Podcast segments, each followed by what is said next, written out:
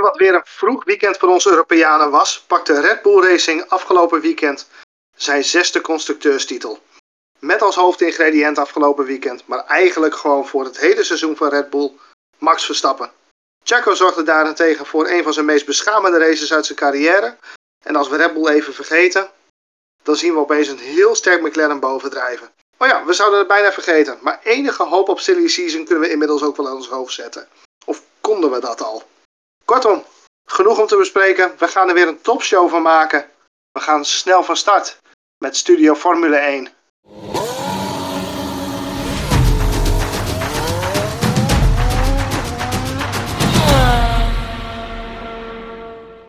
Goedendag jongens. Jullie gaven mij zo, zojuist al aan dat ik een beetje klonk als, uh, alsof ik radio, alsof ik jaren 40 radio uh, aan het maken ben. Ik ben Marco, ik ben jullie host vanuit een heel zonnig Italië, 28 graden. In het uh, provincie Savona bevind ik mij, daarom deze week ook geen beeld. Maar we maken wel deze fantastische podcast voor jullie. En nou ja, we hopen dat het een klein beetje klinkt, maar vandaar de, het gebrek aan beeld en nou ja, een iets mindere geluidskwaliteit aan mijn kant. Afgelopen weekend hebben we natuurlijk de Grand Prix van Suzuka gereden. Ja, Thomas, ik begin lekker bij jou. Wat is jouw cijfer voor het weekend? Of voor de race? De race. Nee, we doen de race. ja, ik, ik, geef het, ik geef het een 6,5. Ik, uh, ja, in de breedte, het kabbelde een beetje voort, maar het was nou niet echt heel spectaculair, denk ik. Helemaal goed. Chris, jij bent ook aangeschoven vandaag. Jazeker. Uh, wat, ik, uh, wat geef jij de race? Ik uh, geef de race een 6. Ik, eh, ik vond het ook niet heel spectaculair. In eerste instantie was ik halverwege ingeschakeld, maar het was toen al niet zo heel spannend meer. De eh. race was uh, vrij vlot uh, al een beetje verreden eigenlijk, hè? Um, ik, geef het, uh, ik geef de race ook een 6, eigenlijk om dezelfde reden. Wat, Thomas heel mooi zegt, het weekend kappelde, kappelde een beetje voort. Wat wel hielp was dat de race een aantal merkwaardige momenten met zich meebracht vooral de beginfase was nog wel heel erg interessant. Maar als je de laatste 20 rondes een beetje in slaap gevallen was. Eigenlijk heb jij gewoon het verkeerde deel gezien, Chris. Ja, ja, dat had ik ook al heel sterk het idee. Toen ik inschakelde waren er al vijf of zes man uitgeschakeld. Dus uh, ja, toen had ik al wel het idee dat ik uh, op het verkeerde moment uh, inschakelde. Nou, daar zeg je wat, Chris. Want vijf, zes mannen waren er uitgevallen. Vijf man, geloof ik of zes, of vijf, of vier. Het ding er een beetje tussenin. Er was nog wat om te doen natuurlijk. Maar normaal gesproken zou je zeggen, in een race waar minimaal vijf man uitvallen, dan moet genoeg gebeurd zijn, jongens. Of, of viel dat, was het... dan heel anders dit weekend? Het was voornamelijk de start natuurlijk, hè. Er waren een aantal slachtoffers al. En uh, ja, daar zijn er direct een aantal afgevallen. Ja, zeker. Nee, dat, uh, dat is het ook. Maar kijk, weet je, dat is, een, dat is ook een mooie aan het, uh, aan het weekend waar, we nu, waar we nu gehad hebben. Red Bull is constructeurskampioen geworden. Volgens mij, Thomas, wilde jij daar graag op inhaken, dus ik laat hem aan jou. Ja, klopt. We hebben natuurlijk onze, onze vaste rubriek, top en flop. En ja, voor mij stond wel buiten kijf dat Max was wel de top van dit weekend. Dat, dat begon natuurlijk op vrijdag al, bij die eigenlijk in vrije training 1 al een gigantische klap uitdeelde op de concurrentie. En dat heeft hij het hele weekend wel, wel doorgezet. En dat zat hem voornamelijk ook in, ja, in de S's, in de eerste sector, hè, was, hij, was hij zo waanzinnig sneller dan, dan de rest van het veld. En dat was echt uh, samen met de Red Bull natuurlijk echt, echt een gouden combinatie. En dat, dat zit ook wel een beetje in de rijstijl van Max. Die past dan perfect bij zo'n circuit als Suzuka. Want ik kan me nog wel uh, Alex Albon herinneren. Die is natuurlijk teamgenoot geweest van Max Verstappen. En die omschreef zijn afstelling, de, de afstelling van Max Verstappen altijd een beetje als een soort Call of Duty. En dat je dan de, de sensitivity, dus de gevoeligheid, extreem hoog zet. Hè, voor mensen die dat wel eens gespeeld hebben, dat je dan heel snel met je pookje of met je muis van, van richting kunt veranderen. Dat is eigenlijk wat Max uh, ja, met de Red Bull dan heeft. Hele scherpe voorkant. Waardoor je natuurlijk ontzettend snel door die snelle knikken heen kan gaan. Hè? Ja, dan, dat is gewoon een, rijstijl die hij gewoon uh, op en top beheerst. En dat zie je vooral in de snelle en bochten. Ja, dat heb je op Suzuka natuurlijk heel veel. Zijn er dan circuits waarbij je dat ook bij Max vaker terugziet? Ja, dat zijn voornamelijk, dat, dat zie je eigenlijk op de snelle circuits, Silverstone, uh, Spa, Zandvoort. En je ziet ook wel op de, op de stratencircuits, zoals vorige week op Singapore, toen zat Perez bijvoorbeeld ook weer wat dichterbij. En dat is, ja, hij, hij houdt gewoon echt van een pointy setup. Dat die voorkant heel scherp instuurt. En dat de achterkant een beetje, ja, wat, wat losser is. Maar bij Max is dat dus echt, echt heel extreem. Dat, eh, dat geven oude voormalig teamgenoten ook wel aan. Op zich wel interessant dat je dat zegt, want dat verklaart dan waarschijnlijk ook waarom Perez er helemaal niks mee kan. Nee, dat, dat is hè, waar, veel teamgenoten denk ik ook wel op stuk gegaan zijn ook van Max. Ook een, een en een Albon, die, ga, die gaven gewoon aan, ja, weet je, zo met die auto rijden, dat, dat lukt ons niet. En dat is toch hoe je de, vooral de Red Bull van dit jaar, gewoon optimaal uh, ja, moet en kunt gebruiken. En dan denk ik, dit weekend heeft hij echt, echt gedomineerd. En misschien wel het meest spannende moment was e even de start. Dat hij toch even tussen de McLaren's uh, in kwam te zitten richting bocht 1. En toen koos Piastri toch eieren voor zijn geld. En toen had hij alleen nog met, uh, met Norris aan de buitenkant te maken. En daarna was het gewoon eigenlijk uh, ja, de race pace van Max rijden. En hij reed hem wel naar huis. Maar ik, ik vond de, de, kwalificatie ook wel waanzinnig. Echt wel weer een groot verschil. Ja, dat was, ook als je het vergelijkt met Perez, dat is ja, gewoon een totaal andere categorie waar Max Verstappen dan in rijdt. En dat zijn ah, op, de, op deze grid zijn er ook maar heel weinig die daar denk ik uh, misschien iets in de buurt zouden kunnen komen. Dan heb je misschien over een Hamilton, Leclerc of een, of een Norris, maar deel van de grid uh, komt er echt niet in de buurt. je zegt, uh, je, je, benoemt nu die kwalificatieronde van Max. Wie live gekeken heeft naar die kwalificatie Q3 dan specifiek, die hebben die eerste snelle ronde van Max in Q3 kunnen zien. Die was volledig onboord, werd die uitgezonden. Dat was echt een waanzinnige ronde. Dat was echt een waarvan ik, nou daar viel mijn mond redelijkerwijs van open. En we, hebben het in het verleden nog wel eens gehoord over Mercedes, hè, die een auto had die altijd op rails leek. Maar daar leek dit ook heel erg op. Kijk, ik heb die tweede ronde niet uh, in zijn volledigheid onboord gezien. Die was zeer waarschijnlijk nog, hè, die was nog sneller. Dat dat nog kon ten opzichte van die eerste ronde, ja, dat wist ik eigenlijk ook niet dat dat mogelijk was. Maar dat, dat, zegt, dat zei mij op dat moment toen al heel erg um, wat, wat voor een weekend Max dit, uh, het weekend op Suzuka weg moest gaan zetten. Dat is echt bizar. Je, zag hem zo snel en zo sterk rijden. Ja, dat, dat stukje op rails, dat hebben we dus ook wel gehoord met, met, Mercedes vroeger. Echt bizar. Ja, en je zag het wel weer op dit circuit. Kijk, Singapore liep natuurlijk niet zo goed. Dit circuit, dat is een biljartlaken. Uh, dan konden ze de vloer en de rijhoogte weer exact afstellen zoals ze dat, dat graag hebben. En wat je zegt, ja, die eerste sector is... Uh, ja, dan zie je dat de Red Bull gewoon ontzettend sterk is. En daar is bijna, ja, er is geen kruid tegen gewassen op dit moment. En dat, dat brengt me ook wel uh, bij mijn flop. Want uiteindelijk was het natuurlijk feest voor Red Bull. Hè, de constructeurstitel dan veiliggesteld. Ja, dat, dat zat er al aan te komen natuurlijk. Hè. Dat is eigenlijk na een aantal races al van ja, Red Bull, dit is het seizoen van Red Bull. Ja, wat ze nog hebben veiliggesteld is dat dan een van de twee rijders kampioen wordt. Ja, goed. Daar hoeven niet uh, over na te denken wie dat dan uiteindelijk gaat worden. Maar dat, ja, geeft ook wel aan dat dit echt een waanzinnig seizoen is van het hele kamp van Red Bull Racing. Als je Max Verstappen ziet, de tactiek is eigenlijk altijd in orde. Alleen dat enige zwakke punt, en dan kom ik ook bij mijn flop, ja, dat is dan uh, Sergio Perez. Want ja, die heeft er dit weekend uh, wederom helemaal niks van gebakken eigenlijk. Echt helemaal niets. Kijk, dat je niet in de buurt komt van een Verstappen op dit circuit, dat is nog tot daar aan toe. Maar ook, ook in die zin ja, is, is het verschil wel groot. En ja, dat zit hem gewoon in, in die setup. Perez heeft het liefst een auto die onderstuur heeft. Ja, en, en uh, Max heeft het liefst een auto die dus aan de, aan de voorkant juist heel scherp instuurt. Dat zijn al twee verschillende rijstijlen. Ja, Perez kan dus niet met dezelfde setup gaan rijden als, als dat Verstappen doet. Dat is al één, waardoor je ook ja, dat, dat snelheidsverschil dus ziet. Maar op zondag heeft hij er ook gewoon een puinhoop van gemaakt. Hij heeft uh, een aantal penalties geïncasseerd. Waarvan je dacht van, uh, wat ben je doen? En de, en de aanrijding, uh, ja, dat, dat was helemaal uh, bosautootje spelen. Echt een, een, gat wat er totaal niet was. En dan knalt hij hem zo op de haas van Magnussen was dat. Ja, knalt hij hem zo naar binnen en dat was ook uh, kansloos, wat mij betreft. Echt uh, slecht. Ja, ja, het was echt triest om te zien gewoon.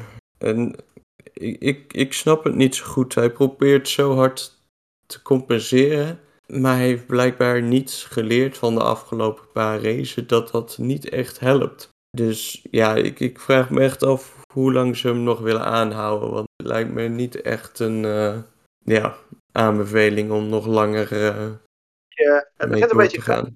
Ja. ja, weet je, wat ik ook wel een beetje zie gebeuren is dat hebben en dat gebeurt vooral natuurlijk bij het uh, zuster-dochterteam van, uh, van Red Bull Racing bij AlphaTauri. Daar, daar hebben we het uh, straks natuurlijk uiteraard ook nog even over. Um, maar, maar daar, daar lopen op dit moment gewoon drie coureurs rond, waarvoor twee nou, wellicht in de toekomst geschikt, geschikt acht uh, worden voor nou ja, de plek van Checo Perez. Dat legt een enorme druk op die jongen. Kijk, Lawson laat op dit moment verschrikkelijk eh, goed zien waar hij toe in staat is. Yuki Tsunoda, nou ja, daar vraag ik me dan natuurlijk nog vanaf wat dat daadwerkelijk moet gaan worden. Ehm, en Ricciardo is natuurlijk gewoon gehaald om, nou ja, eigenlijk Perez misschien in de toekomst te vervangen op het moment als de jonge jongens nog niet klaar genoeg zijn.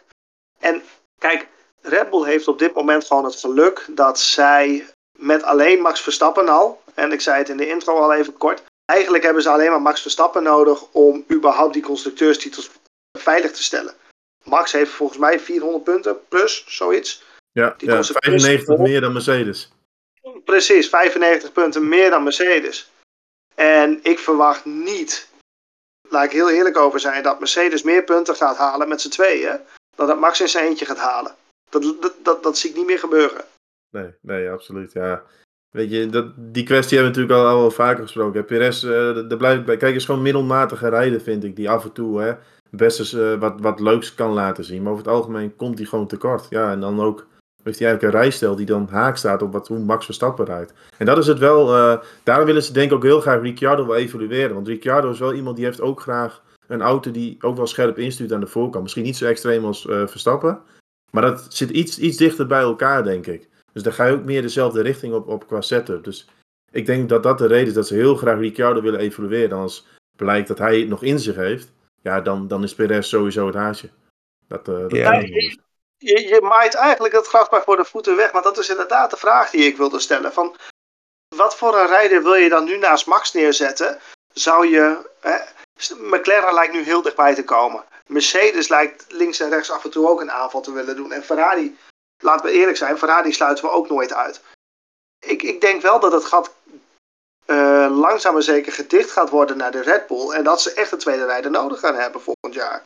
Ja, dat is het ook. Hè? Kijk, als, als de rest ja. helemaal dichterbij komt, dan wil je wel iemand hebben die dat, die dat gat dicht. Want je ziet ook met Perez, kijk, ergens had hij ook wel, het zit ook wel even tegen op dit moment. Want eigenlijk verliest hij natuurlijk helemaal bij de start. Hè? Want uh, hij, is, hij is een beetje slecht van zijn plek.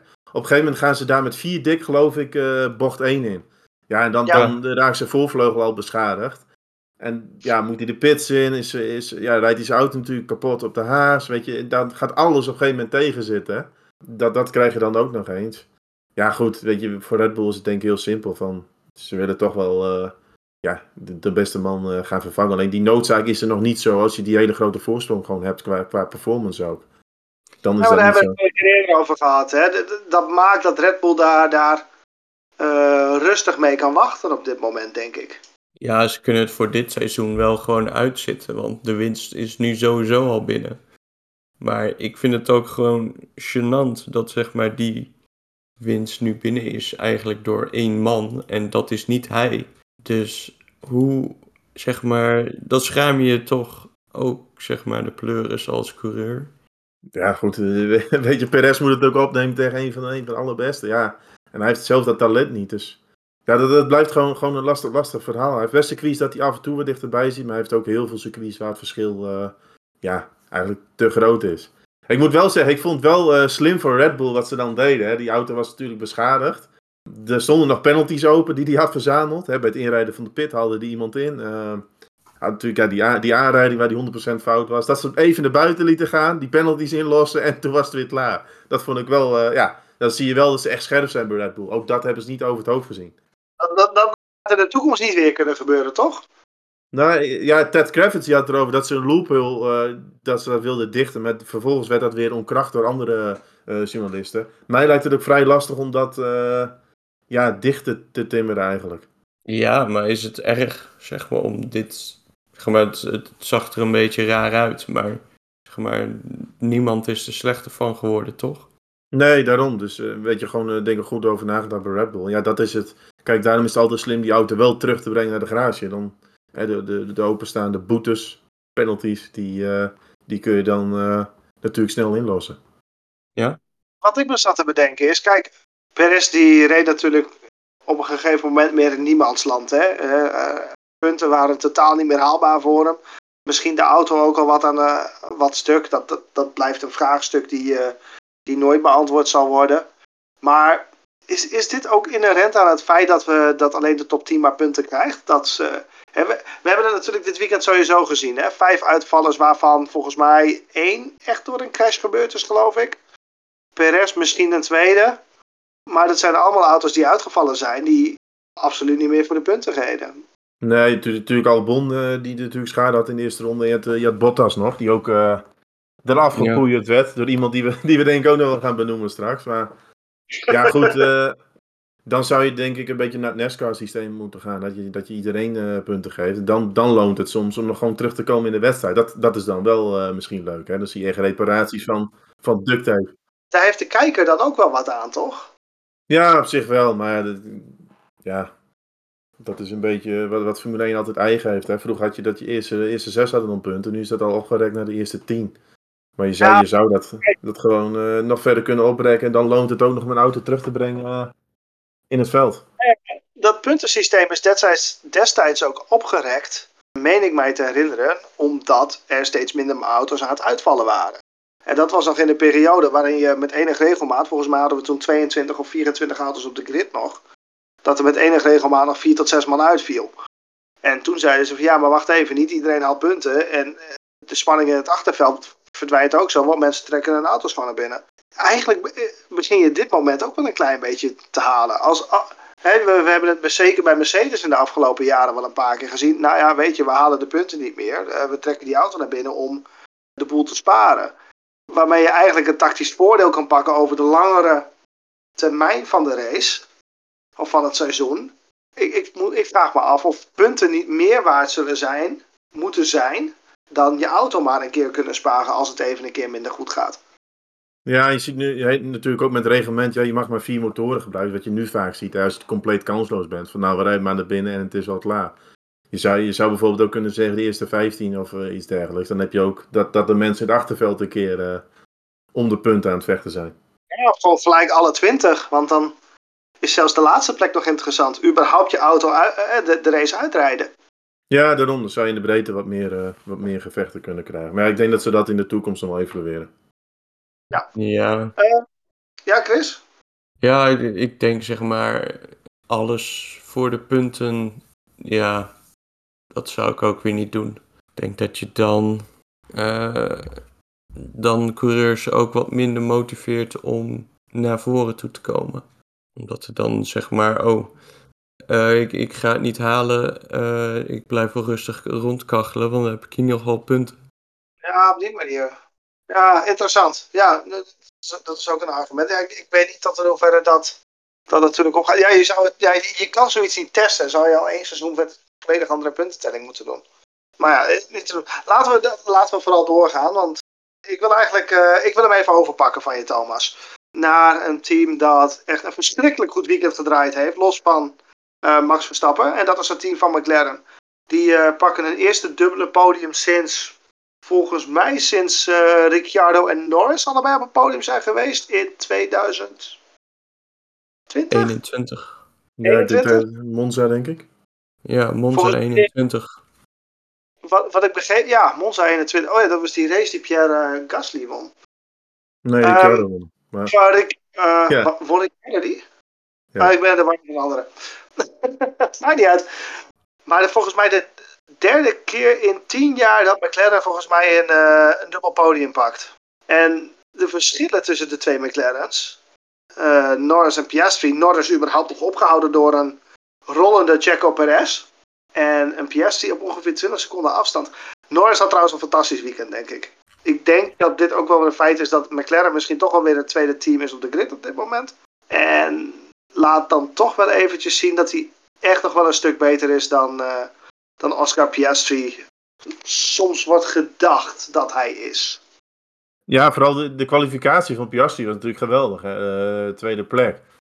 Um, alleen in de race vond ik het verschil tussen Norris en Piastri best wel groot. Als je dan uh, en dat Piastri wat geluk heeft gehad toen hij de pits in ging, viel ook zo'n beetje die virtual safety car. Nou, het Norris dat, dat aparte incident, dat hij tijdens de virtual safety car achter Perez zat, waardoor hij eigenlijk onder zijn delta zat. Dus hij mocht, heeft ook zo'n 5 seconden laten liggen. Als je dan over de hele race ziet dat er bijna 30 verschil, uh, seconden verschil tussen beide heren zit, dat, dat vond ik nogal, uh, nogal wat. Ja, Piastri doet natuurlijk hartstikke goed, alleen je ziet wel op band, ja, bandenmanager dat hij daar nog flink wat te leren heeft, uh, naar mijn idee. Want dat, dat verschil vond ik tussen beide heren echt wel, uh, wel aanzienlijk. Maar het was voor, voor McLaren natuurlijk wel een fantastisch weekend. En Ja, je ziet ook wel, de auto lijkt best wel veel, eh, ik denk meeste van de hele grid op de Red Bull. Een beetje dezelfde ophangingsconstructie, dezelfde vering. En dan zie je ook wel, snelle, medium, snelle bochten, daar zijn ze heel sterk. Ja, ze zoeken er veel van. Dus met McLaren was eigenlijk naar Red Bull, vooral die, die eerste sector, die S's, gewoon hartstikke sterk. En eigenlijk is het wel waanzinnig wat voor, uh, ja, wat voor seizoen McLaren doormaakt. Als je dat, uh, dat begin van het seizoen ziet en nu. Dat, is, dat verschil is echt gigantisch. Ja, ja die hebben wel een aardige rollercoaster gehad uh, nu. Ja, zouden ze dat kunnen doen met die costcap, met die costcap regels en met de windtunnelregels wat dat betreft? Ja, ze zaten natuurlijk aan het begin van het seizoen zaten ze eigenlijk helemaal mis, ook naar eigen zeggen. dit jaar hebben ze kleine aanpassing moeten doen aan de randen, aan de vloerranden. En McLaren eh, zei direct aan het begin, we hebben het totaal verkeerd ingeschat. En als je iets totaal verkeerd inschat en je kunt dat herstellen, kun je natuurlijk ook best wel een grote stap maken. En dat is denk ik wat er een beetje, een beetje gebeurd is. Ze hebben eigenlijk een blunder, hebben ze een beetje ongedaan gemaakt in, in, in het concept van de auto. Ja, dan, dan zie je wat er dan uh, tot uiting komt. Maar ik moet wel zeggen, kijk, kijk, McLaren doet het hartstikke goed, maar als je dan het verschil met Red Bull is bijvoorbeeld ook nog wel. Dat is wel weer echt een flinke stap veel weer vooruit dan. Zach Brown zegt dat ze het in kunnen halen. Ja, goed, als je, als je nog zo'n stap maakt, dan, dan sta je erbij natuurlijk. Maar die laatste stappen, dat is altijd wel, uh, ja. wel lastig. En komt die laatste stap op tijd? Zeg maar, heeft dat nog zin om dat nu te doen? Nee, niet, niet meer over de winter, denk ik dat Zack Brown dat bedoelt. Kijk, dit, dit seizoen ga je ook niet, dat zie je door de hele grid heen wel, hè de, de grootste upgrades zijn nu wel geweest. En dan ga je van de winter ga je proberen weer echt weer die grote stap te maken. Ja, maar ik vind het wel mooi te zien, want je ziet het niet vaak dat zeg maar een team wat zo nou ja, slecht begon, uh, nu halverwege het zo goed doet. Dus die hele comeback is wel echt schitterend om te zien. Ja, zeker. Natuurlijk ook een team als McLaren met al die historie, ja, die, die, die gun je het ook. En ze hebben, ze hebben wel gewoon echt uh, twee fantastische rijders, denk ik. Norris, die vind ik uh, steeds completer worden ook. Vooral in, in de wedstrijd, dat hij echt sterker is. En ja, Piastri, ik denk vooral stukken bandenmanagement. Kijk, de snelheid heeft hij wel. Dat zie je in kwalificatie. Zit hij er gewoon hartstikke bij. En dat is natuurlijk wel op een nieuw circuit voor hem. Maar ik denk als hij qua bandenmanagement nog, nog een stap kan maken, dat dat nog wel, uh, wel belangrijk is voor hem. Ja, ja maar dat komt ook nog wel. Piastri heeft natuurlijk ook verleid. Ja. Ja. Terecht op. Ja, ik denk, ik denk dat dat een beetje een no-brainer was. Voor zowel Piastri als McLaren. Voor Piastri, die zit gewoon hartstikke goed op, op zijn plek. En voor McLaren, ja, die hebben gewoon uh, voor de neus van Alpine een geweldig talent weggekaart. Dus voor beide was dat eigenlijk... Uh, ja, ze hebben beide ook, ook geen alternatief. Dus dan is dat gewoon hartstikke goed voor beide partijen. Is dit een duo dat een constructeurskampioenschap kan gaan winnen? Ja, absoluut. Want we hebben het net over Red Bull gehad natuurlijk. Daar heb je één echte sterrijder en één die er ver achter zit. Die, je ziet gewoon dat wat meer aan elkaar, uh, aan elkaar gewaagd is. Ja, die, die twee eh, beschikken allebei over, over talent. Ja, je moet gewoon het pakket, uh, het pakket hebben. En dan wordt het heel interessant voor McLaren. Ja, absoluut. En ik hoop ook heel erg dat ze die ontwikkeling uh, weten vast te houden. Over ontwikkeling vasthouden gesproken. Um, we hebben het al vaker genoemd. Mijn flop van het weekend, Aston Martin. Uh, we hebben het net ook dat genoemd. De wetten, ene Valtteri Bottas, die werd er op uh, genadeloze wijze van afgebonjourd. Dat zag er natuurlijk niet uit. Maar ook Alonso vind ik, naarmate de auto minder wordt, vind ik hem zelf ook minder worden. Hij, hij begint een klein beetje op, op de GP2-engine Alonso te lijken op het moment, naar mijn smaak. Ja, ik denk ook dat je vooral de frustratie van Alonso uh, tijdens de wedstrijd bedoelt. Hè? Dat hij uh, ja, was toch een aantal keer wel pissig op de radio. Niet echt blij met zijn team ook. Strategie, ja, was natuurlijk dat hij op soft was gestart. En ja, daardoor liepen ze eigenlijk een beetje achter de feiten aan. Maar je, je ziet ook wel in een breder perspectief, zie je dat Aston Martin de omgekeerde weg van McLaren een beetje bewandeld heeft gedurende het seizoen. Heel goed begonnen als tweede team. En er eigenlijk een beetje ja, doorheen gezakt, in feite. Ja, dat heeft toch ook wel uh, met, die, met die technical directive te maken. Ze hebben gewoon wel een tik op de vingers gehad dat ze de voorvleugel moesten aanpassen. en sindsdien uh, ja, zijn ze eigenlijk een beetje het vijfde team. Uh, Alonso moet blij zijn iedere keer als hij als wat punten haalt. En ja, ziet Stroll, die, ja, die deed weer helemaal niet mee. Hij had dan ook nog een pech met een, uh, met een achtervleugel. Maar die zit, ja. eigenlijk de laatste tijd, is die in de eerste kwalificatie, valt hij al constant, is hij eruit. Dus dat is ja, zeker niet goed. Ah, die heeft zijn hoofd al bij een Grand Slam, joh. ja, dat is nog steeds een ding dat, dat Aston Martin echt maar met één rijder natuurlijk rijdt. Uh, ik ga jullie een vraag stellen. Moet, moet Aston Martin gaan vrezen voor een vierde plek? Nou goed, als je ziet hoeveel uh, punten McLaren binnenhaalt uh, momenteel, dat, dat denk ik zeker dat dat heel lastig wordt om uh, voor Aston Martin nog vast te houden, die vierde plek. Ja, ja er zit nu het is echt, slordige 50 punten tussen. Ik denk dat met dit tempo wordt het inderdaad wel moeilijk. Ik kan zeggen, nog twee keer een 1-2 en één keer een paar magere punten voor, voor Aston. En ze staan er natuurlijk lang. Ze hebben natuurlijk nog een handvol races te gaan. Ja, maar misschien is het dan ook wel goed voor ze om dan zeg maar één plekje terug te, te zakken, zodat ze weer wat meer tijd hebben om te ontwikkelen. Ja, dat is altijd het voordeel nu met dit reglement. Hè. Als je iets lager eindigt in de constructeurstand, dan krijg je wat meer windtunneltijd. Maar goed, het, is natuurlijk niet echt waar ze, waar ze op gehoopt hebben. Ja, ze hebben gewoon een tikje terug gedaan. Begonnen heel goed aan het seizoen. En nu, uh, ja, moeten ze een beetje hervormen als het. Alsnog, ja, als je het vergelijkt met het vorige seizoen, hebben we natuurlijk alsnog wel een grote stap gemaakt. Alleen door het begin van het seizoen uh, ja, ben, je, nu een beetje in, teleurgesteld. Maar ja, ik heb nog steeds wel vertrouwen, in het Aston Martin eh, project. Goede, goede mensen aangesteld. Hè? Natuurlijk wat extra Red Bull werknemers. Uh, zijn druk bezig met het innoveren van de, van de fabriek en dergelijke. Dus ik denk wel weer dat ze er wel aankomen. Je ziet wel zo'n Alonso, hoe getergd hij dan nog is. Maar hij raakt nu echt inderdaad wel een beetje gefrustreerd. Ja. En, en je ziet gewoon dat de, de goede sfeer die daar in het team hing, hè, de, de, de winning mood, om het zo maar te zeggen, die verdwijnt daar langzaam. En hè, het is niet alleen de frustratie bij een, uh, bij een Alonso, maar ook als Stroll presteert, presteerde überhaupt natuurlijk niet super. Maar Stroll wilde normaal gesproken af en toe nog wel eens een race bovenuit stijgen, maar ook dat gebeurt niet meer. Tegen Alonso natuurlijk dubbel lastig hoor, begrijp me niet verkeerd, maar het, het, maakt het ze niet makkelijker. Dit is overigens ook, hè, en, en Papa Strol luistert vast, luistert vast ook naar onze podcast. Ik bedoel, hè, zet er eens iemand anders neer die jou wel punten op gaat leveren. Ik, er, is, er zijn nog een aantal rijders op de rijders, maar die uh, staan te springen om een stoeltje. En, en Liam Lawson is er vast nog één van. Ja, ja. Weet je, in principe, als je echt ambitieus bent met het team, uh, wat Papa Stroll vast zal zijn, dan is het kwestie van tijd voordat Lance Stroll gewoon, uh, ja, eruit gebonjourd wordt. Maar goed, ja, dat is eigenlijk is dat puur in handen van Papa Stroll. Wil hij nog dat seizoen blijven rijden, ja, dan, dan kan dat seizoenlang doorgaan. Wil hij echt sportief er wat van gaan maken, ja, dan moet, dan moet je hem op termijn vervangen. Zo simpel is het. Ik zit net te denken, hè, van is, is, zijn ze nu gewoon bij Aston Martin dusdanig bezig om de boel op poten te krijgen en zo lang kan uh, Lance blijven rijden. Zou dat het zijn? Want ze zijn natuurlijk nog heel veel uh, faciliteiten aan het bouwen. Ja. ja, misschien wel. Dat wanneer ze echt met het serieuze werk beginnen, dat hij dan toch uh, eindelijk moet ruimen. Dat zou kunnen. Strol, kost geen geld, behalve zakgeld.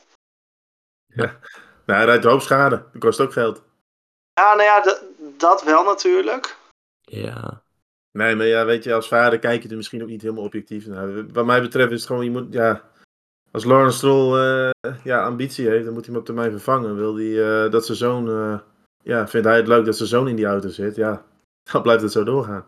Helemaal goed. Chris? Ja, ja, ik, ik zal beginnen met mijn, mijn flop. we hebben hem al vaker genoemd dit seizoen.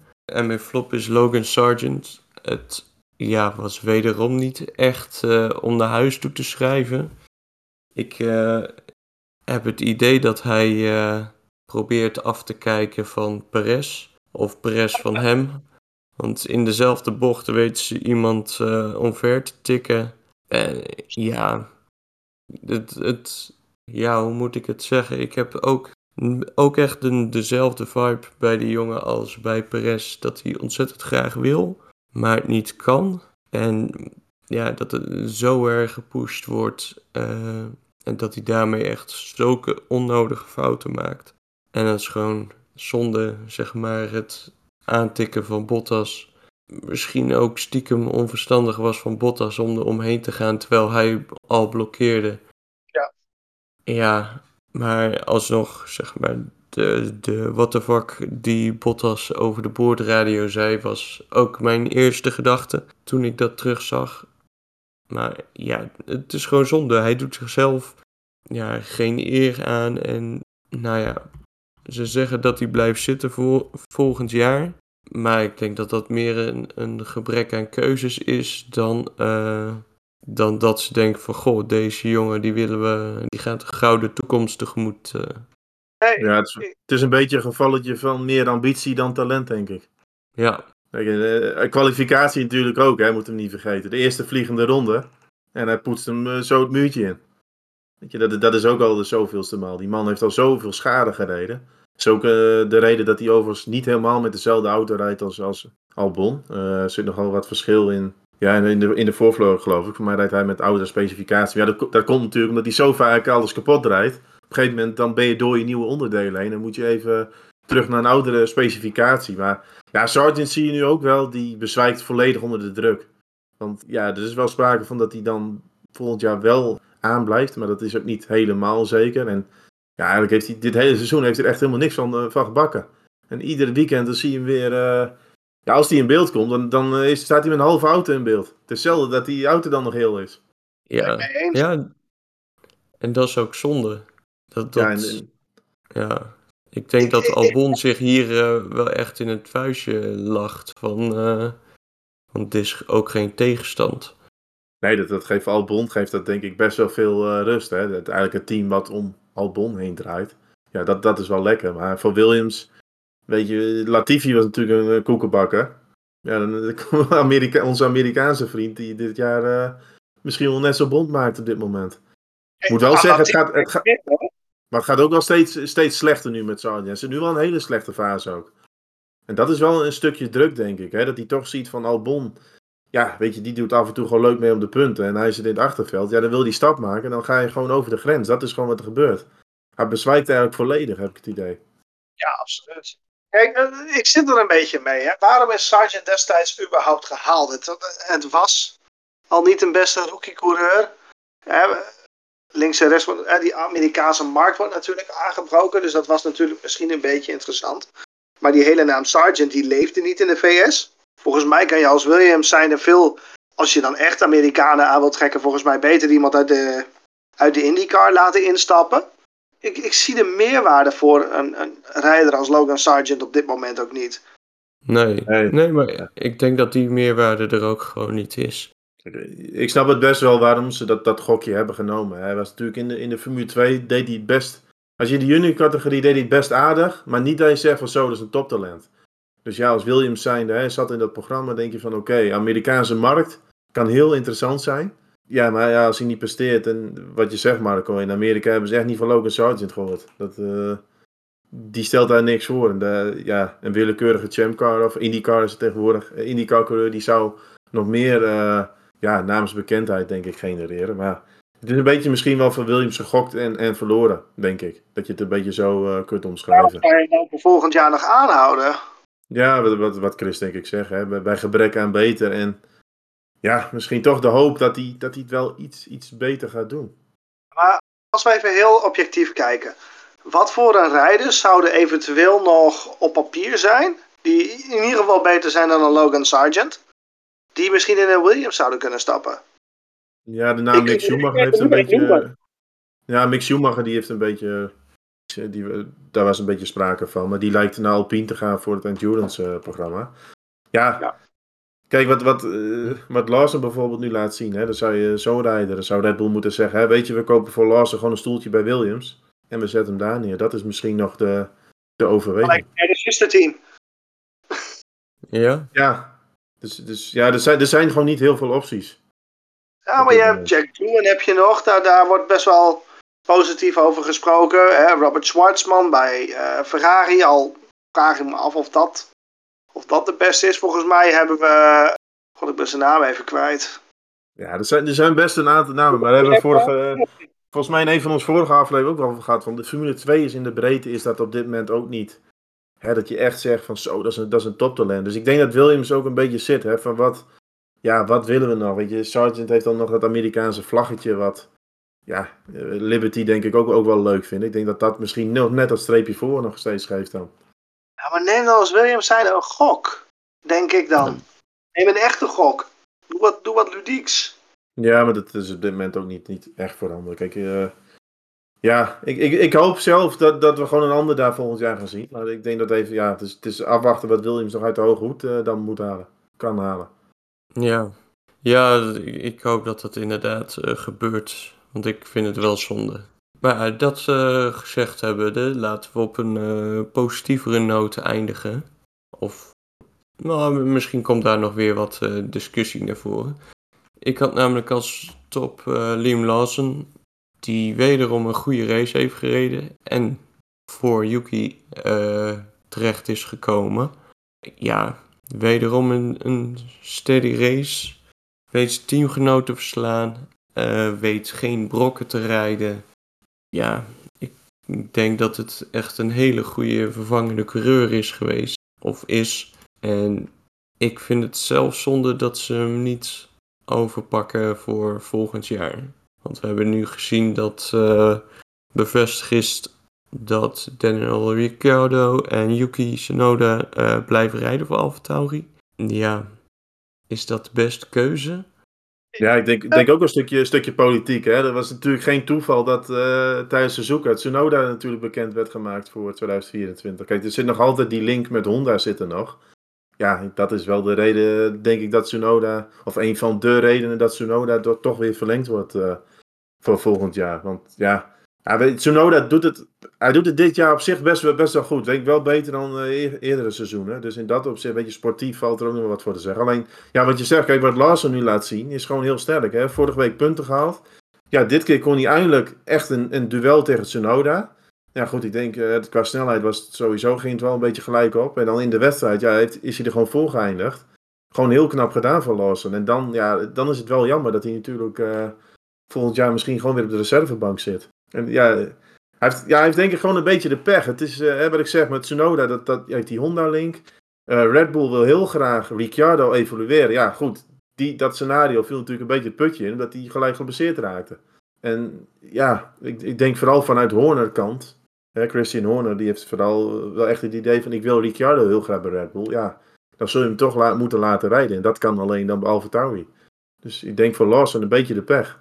Ik vraag me ook af heel eerlijk. op de socials zie je nu heel duidelijk. Mensen zijn nou, boos, je zeggen, maar best wel verontwaardigd over dat uh, Liam Lawson natuurlijk nu niet uh, aangenomen is als de tweede rijder bij, uh, bij AlphaTauri. En op basis van zijn prestaties van de afgelopen vier races, ik, ik, ik denk dat dat op zich ook niet onterecht is.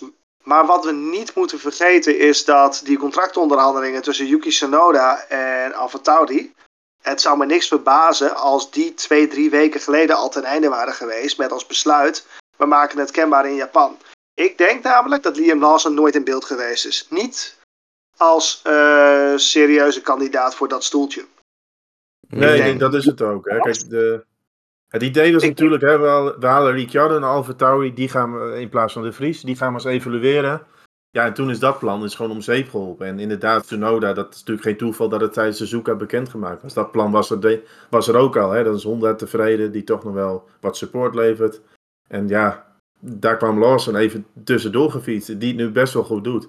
Maar het is, dit is, voor Lawson hoeft dat nog geen, uh, ja, geen slecht teken te zijn. Want Ricciardo, die, die wordt gewoon geëvalueerd.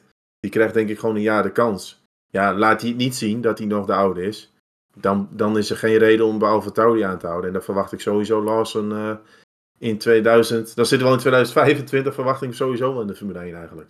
Ja, la, laat ik het zo zeggen. Ik verwacht dat de verliezer van die twee in 2025 moet gaan wijken voor Lawson. Ja. En misschien zelfs wel de winnaar van die twee de stoel pakt bij Red Bull Racing. Ja, ja. ik denk dat dat het eerdere scenario is. Uh, zeker als je kijkt nu naar de prestaties van Perez. Maar laat, en dat is het ook. Hè. Larsen, mijn, wat ik zeg, mijn vermoeden bestaat, hij is niet eens in beeld geweest. Maar dat neemt niet weg, de geluiden gaan ook al op dat hij eigenlijk haast al gegarandeerd een stoeltje heeft voor 25. Dat hij al dusdanig ver onderhandeld heeft dat, dat daar al wel wat over bekend zou zijn. Ja, maar da daar ga ik dus ook wel vanuit. Kijk, dat zei Christian Horner ook wel. Hij maakt wel een sterke case uh, nu voor zichzelf. Want als je zo eh, een paar wedstrijden mag invallen. En je doet het gewoon echt hartstikke goed. Want eigenlijk heeft hij nog geen domme fout gemaakt. Hij zit qua snelheid goed bij, goed bij Tsunoda. Um, ja, wat kun je nog meer verwachten? En daar is Alfa Tauri ook natuurlijk in, in wezen voor bedoeld. Hè? Een opleidingsteam.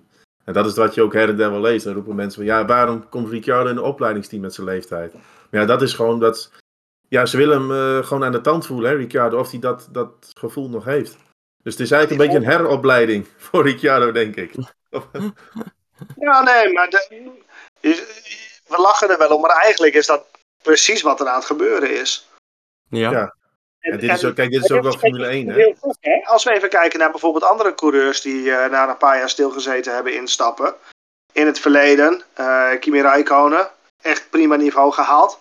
Alonso, kijk eens wat hij nu, de laatste weken misschien wat minder, maar überhaupt weer neerzet. Nico Hulkenberg, dit jaar vind ik vrij sterk. Ik, ik denk niet dat Red Bull hier een hele slechte keuze in maakt. Nee, ik denk dat ze een beetje, beetje klem zijn komen te zitten tussen ja, wat, wat ze al voor ogen hadden. En dat is natuurlijk ook Formule 1. Hè. Kijk, dat Tsunoda een Japaner is, ja, dat is gewoon dat stukje politiek wat, wat het ook nog uh, met zich meebrengt. Natuurlijk, dat verkoopt een aantal extra shirtjes in Japan. Ik bedoel, ja, maar die, die, een op. Ook die link met Honda, hè, weet u natuurlijk niet exact wat daar de afspraken in zijn. Maar goed, ja, die link is natuurlijk nog steeds. Ja, dus dat speelt ook gewoon nog steeds een rol. En ja, dat, dat helpt dan wel voor Tsunoda. Ja, ja klopt. Volgens mij uh, hebben we de hele top- en flop-ceremonie van ons gehad. Voor de oplettende luisteraar, Roy is op dit moment nog steeds afwezig. Uh, die is lekker op vakantie uh, in, nou moet ik het goed zeggen, Turkije of Griekenland? Eén van die twee. Nee, Griekenland. Griekenland, Griekenland. Ja. Die, die, die, is ook lekker aan het wegbakken. Die heeft de keuze gemaakt of die heeft niet de mogelijkheid gehad om op te nemen. Dus die heeft uh, helaas ook niet de mogelijkheid gehad om een, om een vlogje in te sturen. Volgens mij was hij al uh, knetterhard aan de... Wat, wat drinken ze daar? Is dat... Uh... Oezo. Oh ja, wel aan de Oezo. Ja. ja. Nou ja, die, die zal wel knetterhard aan de Oezo zijn. Dus nee, die, die missen we deze week eventjes.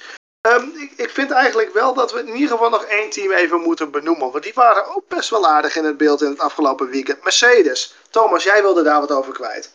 Ja, nou, weet je, de race, uh, we hebben natuurlijk gezegd, het kabbelde zich een beetje voort. Wat ik wel heel, heel mooi vond, was eigenlijk de strijd een beetje bij, bij, hè, bij plek 4 tot en met 7. En dan vooral de Mercedes in in de beginfase. Dat ging echt wel hard tegen hard. Dat je, dat je Hamilton, die zag je echt eh, met hand en tand tegen, tegen Russell uh, verdedigen. Ja, die werd naar mijn idee een beetje buiten het, buiten het circuit ook gedrukt, Russell. Ik denk, hè, als dat een auto was geweest van een ander team, had, had Hamilton daar zeker een penalty uh, voor gekregen. Maar ik, ik haalde het vorige week natuurlijk al aan. Ik ik heb het idee dat dat ook wel een beetje het uh, Hamilton-Rosberg verhaal aan het worden is daar in het team. Je ziet echt wel uh, echt duidelijk een teambattle daar ontstaan. En dat, ja, als kijker, weet je, geniet ik daar wel gewoon van. Ja, ik, ik, ja, ik vond het wel vermakelijk om te zien, maar ik heb vooral idee dat ze zichzelf hier niet mee helpen. En ja, dat, dat vind ik een beetje bijzonder, terwijl ze wel zoiets hebben van oké, want, want ze zijn er gewoon nog niet ze, ze doen het voor zichzelf er beter aan om gezamenlijk naar voren te gaan. In je ontwikkeling, in je, nou ja, in je racen. En ja, dat, ja, als je dan op zo'n manier elkaar een beetje in de haren gaat zitten, dan schiet je niet op. Zeg maar, als je als team onderling al niet voor elkaar kan krijgen wat zijn, zeg maar, met een niet-teamgenoot voor elkaar kan krijgen met die, uh, zijn DRS-truc, wat hij deed uh, in Singapore. Ja, het is een beetje uh, als zeg maar twee kleine kinderen die elkaar voor de bus proberen te duwen of zo. Nou, er waren ook wel hele andere omstandigheden hier sprake. Ik, ik, ik, ik, vraag me af of het linksom of rechtsom niet dezelfde uitslag was geweest. Nou, kijk, kijk wat Chris denk ik een beetje bedoelt. Voor teamresultaat is dit niet ideaal. Want als je ziet aan, aan, aan, de beginfase, natuurlijk hoe zij aan het vechten zijn, ja, dat kost je A, kost je banden. En B, het gaat op de Ferraris, werd, ja, dat was in één keer drie, vier seconden. Dus hè, dat, dat kost gewoon tijd. Maar dat is gewoon, ja, je ziet gewoon bij al die teams eigenlijk wel, je wil gewoon niet van je teamgenoot verliezen. Dus die Hamilton, toen die Russell in zijn nek had, ja, die wil hem kosten wat kost voorblijven. En Russell is een jonge hond, die wil Hamilton verslaan. En dat, dat zie je bij Mercedes. Ze zijn aardig aan elkaar gewaagd en dan krijg je, krijg je zo'n strijd. Maar dat viel me überhaupt wel op aan deze Grand Prix. Want ik zag het eigenlijk door het hele veld heen, zag je dit een beetje uh, gebeuren. We hadden, op een gegeven moment had je natuurlijk McLaren, dat Piastri, want die ging eerder naar binnen, voor Norris kwam. En Norris zat best wel een beetje aan te dringen van, hé, hey, laat me nu voorbij. Want ik ben sneller, wat ook zo was. En dat duurde ook wel even. Hè. Piastri was niet dat hij direct daaraan meewerkte. Ik heb de start, heb ik nog eens, nog eens teruggekeken. Hè. We nemen dit keer op maandagavond op. Ik heb de start nog een paar keer teruggekeken. Als je de start van Leclerc ziet, die was heel slecht weg. En die Ja. was puur zijn teamgenoot daar aan het blokken. Die was, die was helemaal niet met de anderen, maar die was puur daar zijn teamgenoot aan het blokken. Dus je ziet het door de hele, ja, je wil gewoon je teamgenoot verslaan. Hè? De beide Tauris waren behoorlijk in gevecht de eerste ronde. En dat is ook altijd, hè, wat, wat is het ideale team dan? Zijn er twee teamgenoten die puur gelijkwaardig zijn? Dan krijg je zo'n strijd. Heb je één die net even wat minder is, ja, dan heb je wel een bepaalde hiërarchie in je team. Dus die, het is sowieso denk ik heel lastig om een, go- een goede teamgenoot te vinden. Dat is ook een beetje het verhaal bij Red Bull. Hè. Wat, je, wat je daarin wel hebt is gewoon, ja weet je, Max die kan lekker doen wat hij wil. Ehm, zijn teamgenoot die is toch niet in de buurt. Eh, Dus ja, weet je, idealiter heb je een teamgenoot die twee, drie tienden misschien ziet, zit. Maar dat, dat is natuurlijk ook niet altijd haalbaar. Het is ook wel extra typerend voor, eh, voor Mercedes. Dat is sowieso wel een team, een echt haantjesteam. En, en nou dan heb je Hamilton, eh het alfamannetje. Maar dan heb je eigenlijk ook eh, Russell, wat ook wel een beetje een alfamannetje is. Nou, dat, dat gaat hard tegen hard daar. En als de, het zou mij niks verbazen mocht Mercedes ooit met deze twee mannen voor, voor een titel gaan rijden. Krijgen we ongetwijfeld een situatie die vergelijkbaar is met Rosberg en Hamilton destijds. Ja, daar, durf ik mijn hand wel veel in het vuur te steken. Ja. Als, kijk, dit, dit gaat, daar gaat het nu vaak om plek, plek 6, 7 bij wijze van. Dus, dus hè, er staat niet eens zoveel op het spel. Maar als je dan al ziet hè, hoe die twee aan het duelleren zijn. Maar ik vind het, voor- kijk, voor ons als kijker maakt het wel leuk. Want ik vind dat die teambattle bij Mercedes, die volg ik ieder weekend eigenlijk eh, ja, heel intensief. En vind je het toch leuk om te kijken, hè? Wie, wie komt er nu weer bovendrijven? Dat maakt het wel echt, eh, echt gaaf. Eh, aan de andere kant, weet je, Mercedes, eh, het verschil met Red Bull en, en ook wel McLaren is wel groot op zo'n circuit. Het is wel pijnlijk hoe groot de achterstand denk ik van Mercedes is op dit moment hoor. Eh, ze, ze, Ja, hebben, ja. ze zeggen ook wel, hè, deze auto die gooien we, die zetten we bij het grof vuil na dit seizoen en we gaan een totaal nieuwe kant weer op. Maar dat verhaal hoor je nu al een paar keer van Mercedes. Hè? We gaan weer iets nieuws en weer iets nieuws. Ja, dan heb ik wel zoiets van, dan ben je nog steeds heel erg zoekende. En dat is, vind ik niet veelbelovend dat het dan, dat je dit gaat wat er is. Eh, Want 50 seconden over een hele race is natuurlijk ontzettend veel. En dat heb je niet zomaar in één winter eh, gedicht. Dat, dat geloof ik niet. Dus voor Mercedes is dat best wel pijnlijk, denk ik. Ronde. Nee, ik denk dat ze daar in de ontwikkeling ook gewoon een klein beetje de weg kwijt zijn.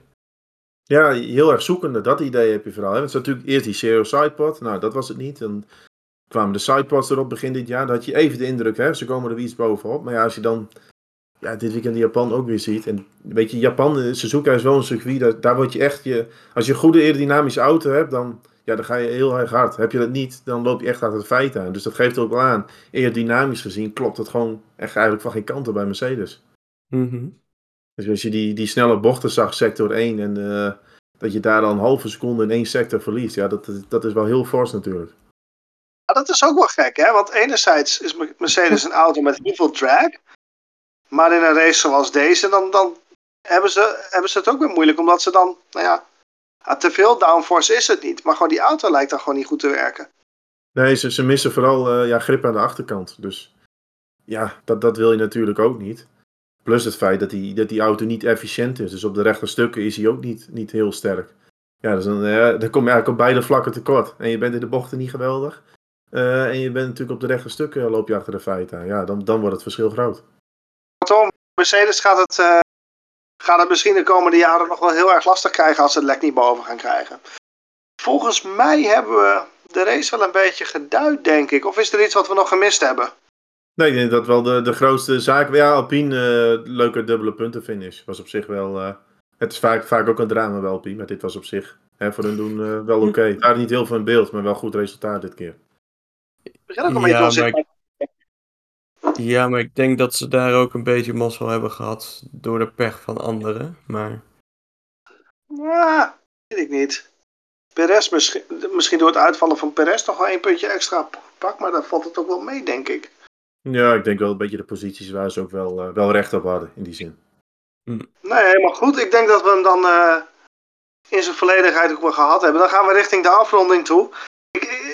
Kijk Thomas wat dat betreft dan direct maar eventjes aan. Thomas, heb jij nog een nabrander? Ja, dat ik, weet je, ik heb wel weer genoten van, van circuit eh, Suzuka. Weet je, we hebben het natuurlijk ook over Sargent gehad. Kijk, dat is Suzuka. Als jij een foutje maakt, ja, dan, dan, dan hang je gewoon en dan, eh, dan zit je in de buren. Dat, dat maakt zo'n circuit wel eh, leuk om naar te kijken. Vooral in kwalificatie vond ik wel echt gaaf om... ja, die auto's ook door die S's te zien. Als je dan onboord kijkt, hè, dan is iedere kleine stuurbeweging kan al het verschil maken. En dat, dat vond ik wel echt gaaf om te zien. Laat Roy het niet horen. Nee, nee Roy die blijft geen fan van het circuit. Heeft hij vorige week ook weer aangegeven. Maar nee, ik, ik heb wel genoten. Dus uh, ja, ik vind het wel echt nog steeds een heel gaaf circuit. Hey, één klein dingetje, daar zullen we volgende week vast nog eventjes uh, wat meer over gaan speculeren. Max Verstappen kan uh, de komende race ook zijn wereldkampioenschap veiligstellen. Hebben jullie toevallig al gezien wanneer dat met een klein beetje geluk staat te gebeuren, jongens? Ja, op, op de zaterdag in Qatar. Ja. Dus uh, ja, misschien voor de concurrentie wel fijn als hij dan op zaterdag toch kampioen wordt. Voor mij moet hij bij de eerste zes in de sprint eindigen. Nou ja, goed. Niks geks moet dat lukken, denk ik. Nee, als hij dan uh, flink wat gaat drinken s'avonds, misschien heeft de concurrentie zondag dan een keer een kans. Ja, dat zou wat zijn. Ma zou het wel interessant maken. Voordat hij instapt. nee. Ik, uh, ik, denk dat dat wel uh, goed gaat komen daar. Ja, en uh, natuurlijk heel knap als dat al zo vroeg in het seizoen gebeurt. Weet je, er zijn dan nog... ja, ze hebben ook nog vijf races daarna, geloof ik. Weet je, als je dan al kampioen bent. Nou, eigenlijk nog zes, zes races. Als je op zaterdag haalt, zijn er in wezen nog zes Grand Prix natuurlijk ook, hè, door die sprint. Dus weet je, dat, dat is echt heel vroeg. Dat is wel heel knap natuurlijk. Geeft ook wel de dominantie aan van dit seizoen van Max Verstappen. Absoluut. Samen met, met, met, met Red Bull laten we, dat, uh, laten we dat ook vooral niet vergeten. Ja. Nee, dan gaan we hem, uh, gaan we hem afronden, jongens. Nou ja, zoals gezegd, natuurlijk uh, vandaag alleen een uitzending met geluid, zonder beeld, door omstandigheden. het lukt mij natuurlijk niet om vanuit Italië een edit aan te kunnen leveren. En daarnaast is het bij gebrek aan een fatsoenlijke verbinding vanuit deze Italiaanse, deze mooie Italiaanse omgeving niet mogelijk om drie camera's aan te zetten. Dus of we doen het goed of we doen het niet. Nou, in dit geval doen we het dan maar niet. Met een beetje geluk zijn we er volgende week maandag met beeld weer online. Uh, want dan ben ik in elk geval weer in Nederland en ben ik weer in de gelegenheid om op te nemen. Voor de luisteraars en kijkers, uh, bedankt voor het luisteren en kijken. Duimpje omhoog. Als jullie het een mooie aflevering vonden, druk op even op subscribe of abonneren of wat dan ook, uh, wat het ook is in je favoriete podcast app of op YouTube. Uh, duimpje omlaag mag natuurlijk ook altijd, uh, maar vertel er even bij waarom. Ehm, als het om de geluidskwaliteit is, dat komt goed. Volgende week is die vanuit mijn kant weer beter. Thomas, Chris, dank jullie wel voor deze mooie uitzending. En tot de volgende keer bij weer een nieuwe aflevering van Studio Formule 1.